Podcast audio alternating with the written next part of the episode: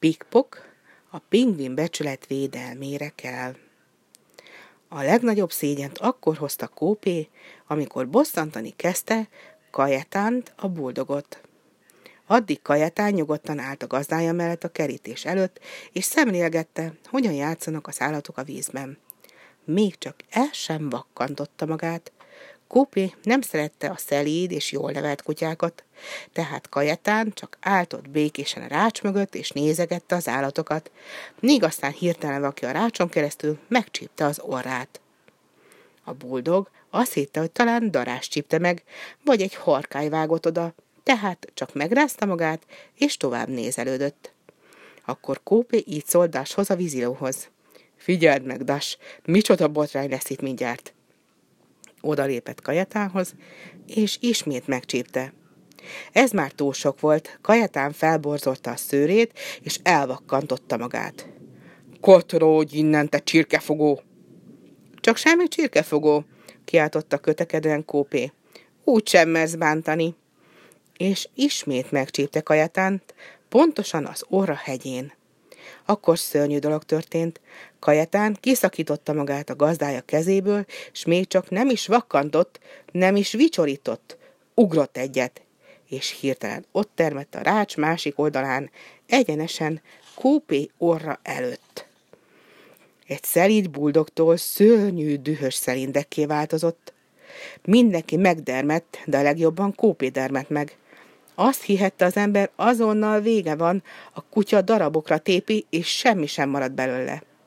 Egy kicsi mégis maradt, mert nagyon ravasz volt, ahelyett, hogy kiállt volna a küzdelemre, elbújt a barátja a das háta mögé.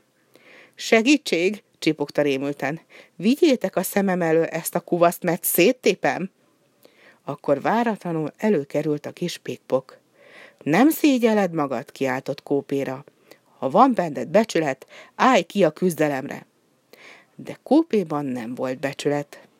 Nyaka köré kapta a lábát, és elhúzta a csíkot. A kis pikpok kidüllesztette fehér mellét, és azt mondta Agata fókának. Ne higgyék azt, hogy minden pingvin gyáva, s kiállt a harcra.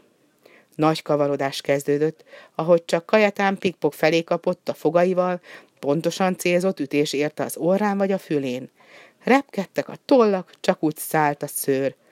Olyan áldázó verekedtek olyan bőszen, hogy mindenki kővé dermett. Egyedül az őr nem vált kővé. Kikapta a vödröt a vízből, és a verekedőköz vágta. Azonnal szétrebentek. Pikpok megrázta magát, és azt kiabálta. Én egyáltalán nem is akarok verekedni. Én csak pingvin becsületet akartam megvédeni. Kajatán megrázta magát, és ezt ugatta. Veled semmi dolgom, csak azzal a bevert szemű jó madárral.